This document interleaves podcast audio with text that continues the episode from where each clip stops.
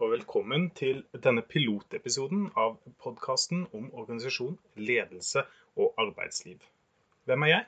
Jeg er Ove Torheim Sandvik. Jeg er en masterstudent ved Ola-programmet ved Universitetet i Oslo. Så hva er behovet for denne podkasten, da? Litt er det fordi Hvorfor ikke? Det har vært gøy å prøve. Litt fordi kanskje behovet blir litt tydeligere etter hvert som podkasten utvikles. Men litt også fordi jeg hadde litt lyst til å kanskje ha en arena for eh, akademisk skitprat. Eh, eller en faglig diskusjon av studenter og for studenter. Men jeg har jo et litt mer seriøst mål. Prøve å si noe seriøst på en morsom og kanskje litt underholdende måte. Jeg tenkte å bruke Gøran Arne sitt kapittel i boka 'Social Organizations', som heter Organizational Centers. Beklager dårlig engelsk. Den handler jo om samhandling på innsiden og på utsiden og mellom organisasjoner. Hvorfor Organizational Centers? Organisatorisk kentaur. Delvis menneske, delvis organisasjon. Jeg tenker at det er en lettfattelig metafor som belyser noe i forholdet mellom mennesker og organisasjoner.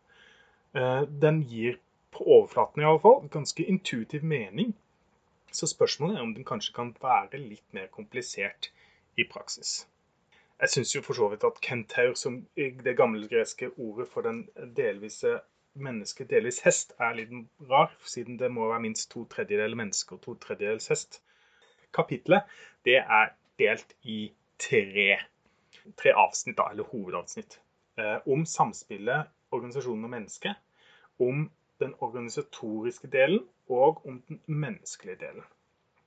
Og Vi starter med den første hovedavsnittet. Om samspillet organisasjon-menneske. Overskriften er jo da 'Acting on behalf of organizations'. Og jeg oppfatter vel egentlig ikke den overskriften som veldig dekkende.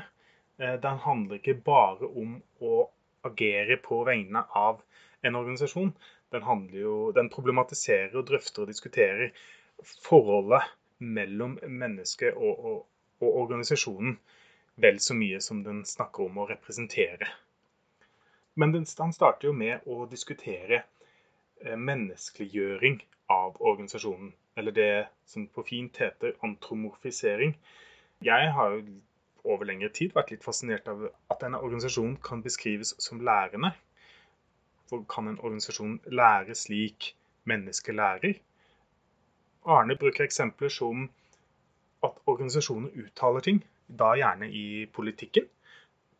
Politiske partier uttaler at Men det er jo ikke organisasjonen, det er ikke partiet som uttaler, det er individene, det er politikerne. Og det er menneskene som lærer i en organisasjon, ikke nødvendigvis organisasjonen, selv om det er jo en sannhet med modifikasjoner jeg, jeg syns Venn-diagrammet kan være en fin måte å se på uh, det Arne prøver å si. Fordi Venn-diagrammet består av to sirkler som delvis overlapper. Den ene sirkelen kan da sies å tilhøre mennesket, de delen. Og den andre sirkelen kan sies å være den organisatoriske delen. Og de overlapper, og den delen som overlapper, blir da den organisatoriske kentauren. Jeg er litt usikker på om det er dette Arne faktisk prøver å si. Han er ikke helt tydelig på om det er et individuelt forhold. Han snakker tidvis som om det er individuelle organisatoriske biter som ikke tilhører kentauren, men han sier tidvis eh, presenterer det som at, at kentauren er en enhetlig bit. Så om det er Venn-diagrammet er et nyttig bilde eller ikke, det er jeg litt usikker på. Han bruker Irving Goffman som litt inspirasjon her.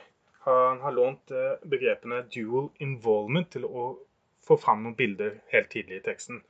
Altså dannelsen av en person skjer i det sosiale. Vi blir mennesker av å være sammen eh, med andre. Men dannelsen av individet skjer jo som en reaksjon på det sosiale. At vi, det vi avviker fra andre, er det som gjør oss til oss selv expression given gir også litt informasjon om hva en organisatorisk kentaur er og gjør. Fordi expression given handler om at man handler på vegne av organisasjonen, mens du også har expression given off, som er et annet begrep Irving Guffman bruker, som er handling som bygger mer på de personlige egenskapene og ønsker og behov. Den organisatoriske kentauren, fortsetter Arne, har den spesielle egenskapen at den reduserer det individuelle spillerommet, f.eks. i atferd. Man kan ikke gjøre ting alltid sånn som man vil selv. Man må forholde seg til hvordan organisasjonen vil at man skal oppføre seg. Og i tid. Eh, organisasjonen har et behov for at du gjør ting på det og det tidspunktet. Og da begrenser du muligheten til den enkelte til å velge å gjøre ting på sin egen hastighet. Eh, samtidig så øker det jo også den enkelte sin eget handlingsrom fordi en organisasjon bidrar med noe ekstra. Se for deg at en mann alene fant ut at han ville dra til månen. Han ville ikke kommet noe sted fordi en enkelt mann har ikke ressurser og kapasitet og intellekt til å greie å lage alt som skal til for å komme seg til månen. Man trenger en organisasjon bak seg. Det fører jo til at organisasjonen bidrar til å begrense deg, men den bidrar også til å utvide muligheten du som en organisatorisk kentaur har. Et annet aspekt ved den organisatoriske kentauren er jo å vise hvordan organisasjoner ikke møter hverandre direkte. Organisasjoner møtes ved at individer som representerer organisasjonen, møtes. Og konsekvensen av det er jo at hvis de to representantene for organisasjonen blir enige om noe i et møte, så må de ta med seg enigheten tilbake til organisasjonen for å forankre den og sørge for at organisasjonen er enig før man kan si at avtalen er i boks. Og så er det jo det jeg oppfatter som Arnes hypotese. Dog, han, han bruker jo ikke noe tid på å prøve å, på å, å bygge opp under dette her, men han presenterer det på en måte som får det til å høres ut som uh, hypotesen. og det er at en interaksjon på vegne av organisasjoner er den mest vanligste menneskelige interaksjonen. Det er jo fordi han oppfatter at familier er organisasjoner. Nesten all interaksjon vi mennesker gjør med hverandre, er jo som organisatoriske kentaurer. Unntaket kan jo kanskje være uteliggere og kriminelle. Men også disse har to organisatoriske tilhørigheter som ligger til grunn for nesten alle. Og det er at de har en familie, og de har et statsborgerskap, eller et borgerskap. Arne avslutter med å peke på tre hovedmåter man interagerer på vegne av en organisasjon. Man har interaksjonen mellom kentaurer på innsiden av en organisasjon og de organisatoriske rammene det tilsier. ikke sant? Da har man en rolle og en posisjon i organisasjonen, og den peker på hvordan man skal forholde seg til hverandre. Som nummer to så er det å være en representant for en organisasjon. Da har man både organisasjonens ressurser og man har sine personlige egenskaper til å være i interaksjon med andre. Organisatoriske kriterier for andre organisasjoner.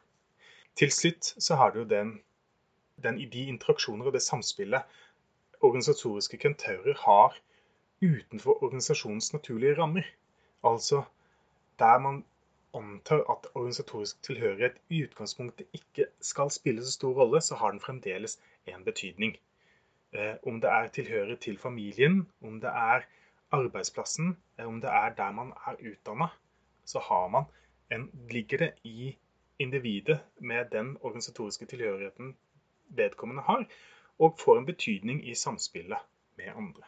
Det som jeg syns er litt spennende med akkurat eh, disse tre punktene, er at de eh, på forskjellige måter tilnærmer seg individet og organisasjonen. For hvis du er kentaur innenfor en organisasjon, så kan man anta kanskje at det er individet som får størst betydning. Fordi kentauren innenfor organisasjonen har uansett samme organisatoriske bakgrunn. Så da blir det individet som kommer i tillegg. Jeg merker meg her at selvfølgelig man, er man ofte tilknyttet flere organisasjoner samtidig. Det betyr at selvfølgelig får et individs forskjellige kentører også betydning inn på arbeidsplassen, men, men, det er ikke det vi snakker om nå. Så på, innenfor organisasjonens rammer så er det den individuelle biten som kanskje får mest betydning.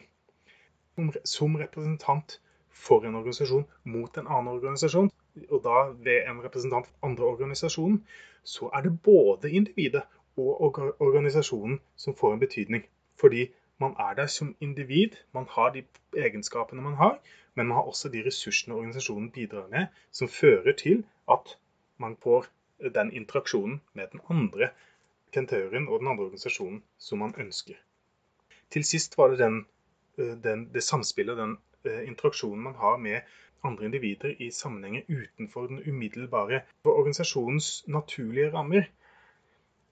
Og da er det kanskje organisasjonen igjen som får mest betydning. Fordi organisasjonen påvirker hvordan andre mennesker oppfatter kentauren som individ, selv om det ikke er relevant. Så da er det individet som i utgangspunktet er fokus, og så får organisasjonen en påvirkning. I motsetning da til, til interaksjon inne på arbeidsplassen, hvor eh, interaksjonen i utgangspunktet i organisasjonen, så det er det individuelle som kommer mer i tillegg. Og så kommer vi til avsnittet delvis organisasjon. When people act on behalf of organizations, their abilities and scopes are enhanced. They get extra individual strength as well as goals and motives. Their behavior, however, also becomes less human. Og det, er her vi vil starte, ikke sant? Fordi organisasjonen kan man se for seg ønsker å minimere den menneskelige delen av kentauren. I byråkratiet eller taylorismen så, så prøver de jo bare å marginalisere involveringen av individet. Vi ønsker kun å få ut den produktive, den handlingskraften individet har, ikke den kreative og individuelle biten av individet. I motsatt ende av dette så er det jo de organisasjonene som prøver å bare ta med seg inn hele mennesket, involvere mennesket med kropp og sjel for å få de til å bidra både kreativt og med handling inn i organisasjonen. Da snakker vi om å sosialisere de på en god måte, og litt mindre positive ord er jo å indoktrinere bedre. Og på begge måter redusere menneskelige biten av kentauren. For den menneskelige biten blir enten bare latt være på utsiden, eller blir tatt med inn og tilpassa organisasjonen sånn som den er. Arne diskuterer videre om den organisatoriske delen med følgende konkrete perspektiver. Affiliation, eh, altså tilhørighet. Eh, kollektive ressurser. Substitutability, som jeg prøvde å oversette i Google Translate. og Da ble det substi substituerbarhet. Jeg prøver meg på utbyttbarhet. Kanskje erstattbarhet kan funke, men her kan man jo prøve å finne et bedre begrep. I tillegg så er det siste perspektiv Arne bruker i denne delen, er jo kontroll. Men vi starter med tilhørighet. Eh, tilhørighet til den konkrete organisasjonen kan påvirke hvordan man forholder seg til denne personen. Altså, Se for deg at du snakker med en journalist. Du blir påvirket av at du vet at det er en journalist. Snakker du heller med politi, så blir du påvirket av politi. Litt nervøs og begynner å svette og tror at alt du har gjort er galt. Så poenget er jo at man har en organisatorisk tilhørighet som individ og som kentaur, fører til at eh, man blir påvirket av at man blir sett på forskjellige måter. Ofte så krever det jo en identifisering med tilhørigheten. Noen steder så har man uniform, tenker politiet, militæret, men også McDonald's-ansatte eller andre Kiwi-ansatte i matbutikker. Det fins masse eksempler på at man har en uniform for å vise at man tilhører noe. Og det er jo viktig, for det, hvis man ikke har identifiserende klær, så kan man fort bli utydelig hvor man har en tilhørighet. Gitt at du jobber i en butikk, og du ikke ser ut som du jobber der. Du driver med å, å rydde og stelle og sitter i kassa og prøver å selge ting, og du blir, kan bli litt oppfatta som litt useriøs eh, kentaur. Men det fins andre måter å identifisere seg på. F.eks. så fins jo ID-kort.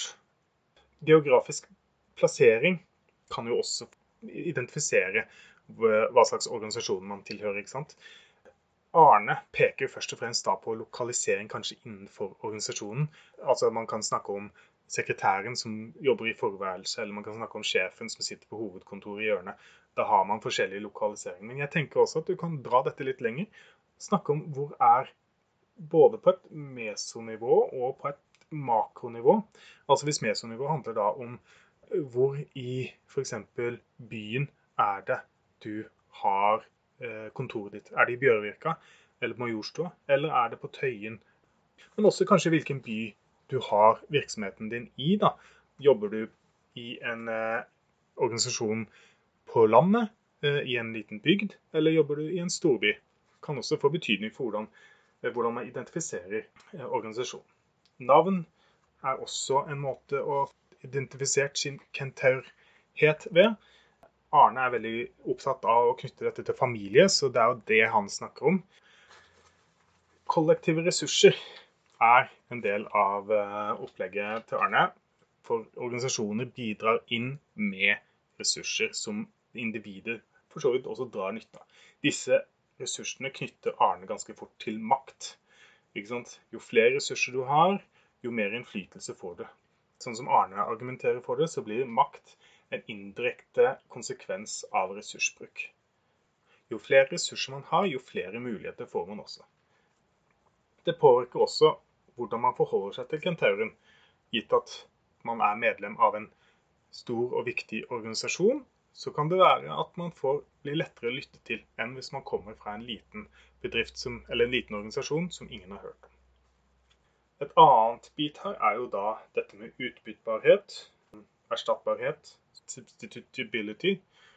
Jeg tenker Utbyttbarhet har jo litt sånn poetisk klang. Utbyttbarhet. Veldig fin rytme.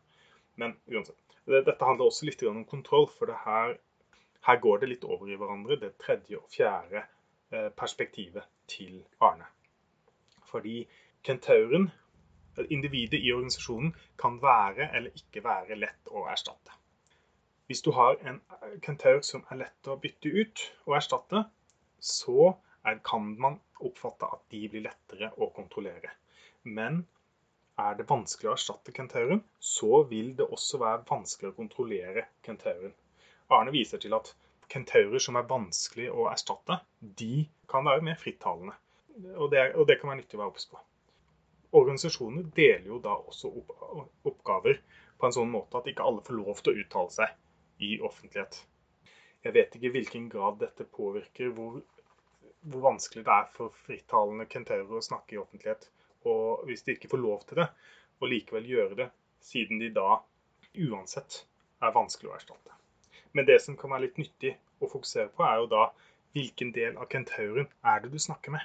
For i noen tilfeller vil kanskje det være mer individet som snakker. Av og til vil det kanskje være mer organisasjonen som snakker. Og Dette er jo et eksempel på at Venn-diagrammet kanskje ikke er den beste metaforen eller, eller den beste analogien for Arnes organisatoriske kriterier. Men kontroll handler jo også om litt annet. Eh, han knytter, kontroll er jo ofte satt i motsetning til autonomi, og det gjør også Arne. Skillet går mellom den kontrollen man kan gjøre internt. Det kan være litt lettere å holde kontroll på organisasjonens medlemmer internt, men så fort man skal begynne å representere eh, organisasjonen eksternt, eh, så kan det være større utfordringer å ha, sørge for at de gjør ting på en måte som organisasjonen selv ønsker at det skal gjøres på. Da kan vi trekke tråden tilbake til, eh, til dette med å hvilken grad vi inkluderer eh, medlemmene av organisasjonen. Skal de være gått inn i liksom, organisasjonens ideologi og organisasjonskulturen. Da har man bedre kontroll på individet, og det er lettere å kanskje sende det ut. Mens hvis man prøver, i utgangspunktet prøver å minimere individets rolle inn i organisasjonens oppgaver, så vil eh, kanskje de være mindre egnet til å gå ut for å representere organisasjonen på utsiden. Det var den organisatoriske biten.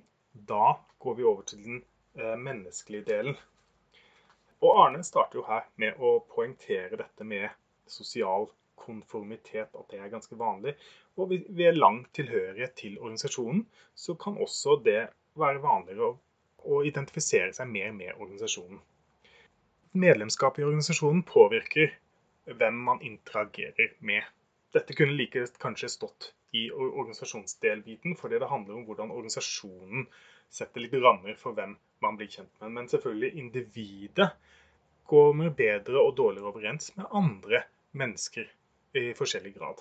Og noen tilfeller kan man få nære vennskap, men i motsatt side så kan man få bitre uvenner pga. en organisatorisk tilhørighet.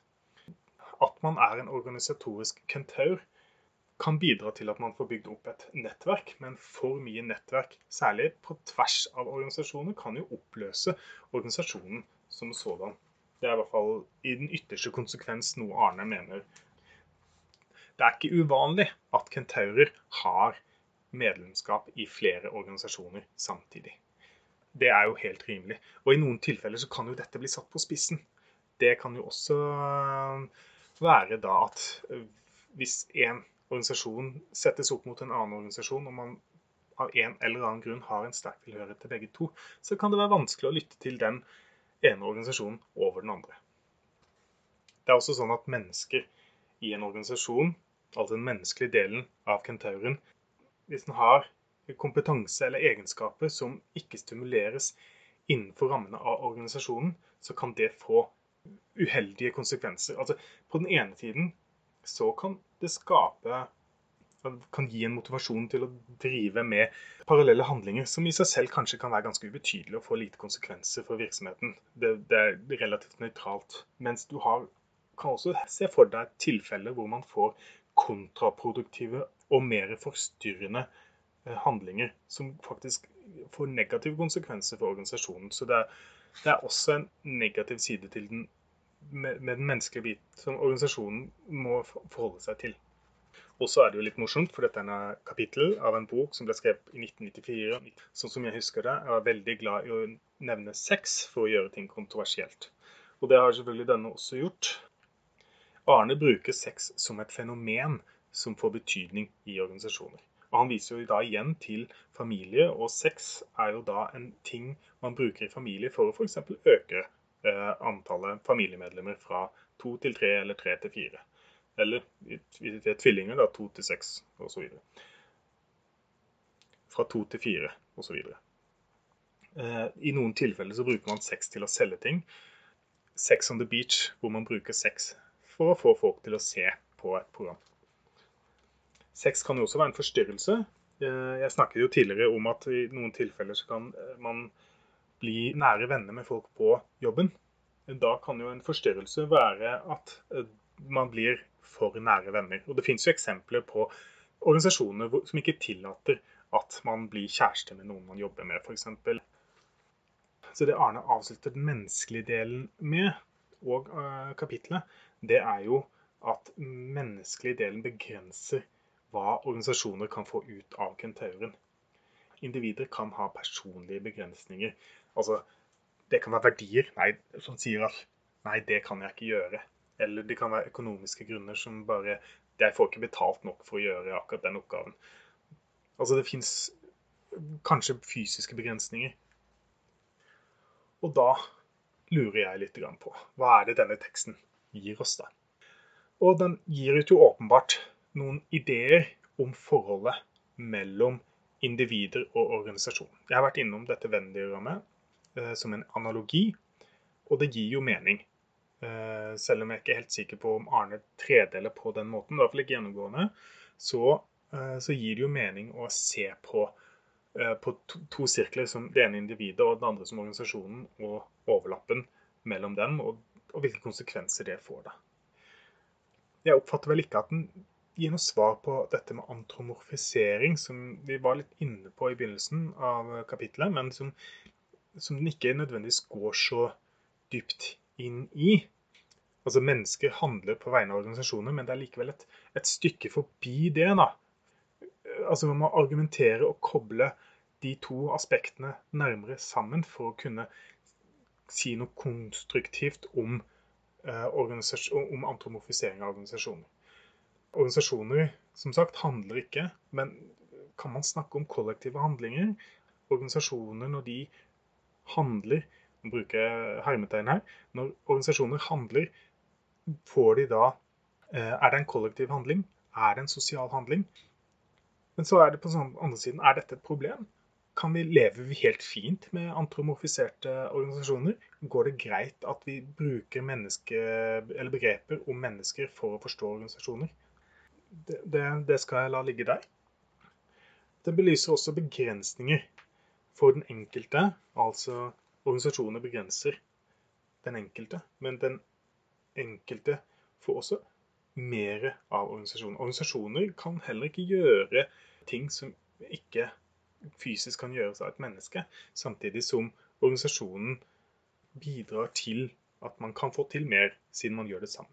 Og at det er flytende grenser her, tenker jeg. Det kommer ikke så godt fram, men det må jo være flytende grenser. Noen kan strekke seg lenger, noen har høyere kapasiteter, noen organisasjoner er større og har flere ressurser. Det ligger i natur, naturen til mennesker og til organisasjonen at disse grensene ikke er At disse grensene vil være flytende og er ikke satt i stein. Metodologisk tror jeg eh, at denne teorien til Arne nok er bedre på et, i en kvalitativ analyse enn i en kvantitativ analyse. For, den er bedre for å skape forståelse og gi mening i et fenomen man ønsker å forske på. Jeg får ikke inntrykk av at den er noe særlig til å bruke hvis man skal prøve å telle og finne ut av kvalitativ forskning. Teorien identifiserer jo da f.eks. tilhørighet, ressurser, utbyttbarhet og kontroll som aspekter ved kentauren som man kan fokusere på ved en forskning. Av disse så er det jo ressurser som enklest vil la seg kunne telle.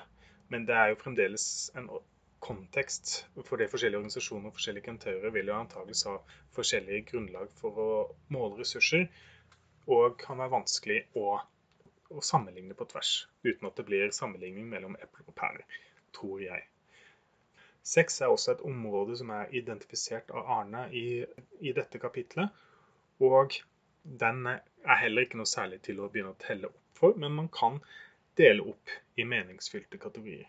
Så er jo spørsmålet om dette kan være et utgangspunkt for, for å kategorisere opp i bedre kvantitative størrelser etter hvert, eller med videre forskning. Og det kan jo godt være. Men jeg ser at det kan være vanskelig i de fleste dimensjonene. Dette var altså en pilotepisode av en podkast om organisasjon, ledelse og arbeidsliv. Jeg setter stor pris på tilbakemelding, så hvis du har ris eller ros, har forslag til andre tekster, eller om du har lyst til å være med og lage en episode eller to, så må du vurdere terskelen lav for det. Og da ber jeg deg om å ta kontakt med meg på e-posten ovesand, det er O-V-E-S-A-N, at student.uio.no. Ovesand at student.uio.no. Så takker jeg for oppmerksomheten for denne gang.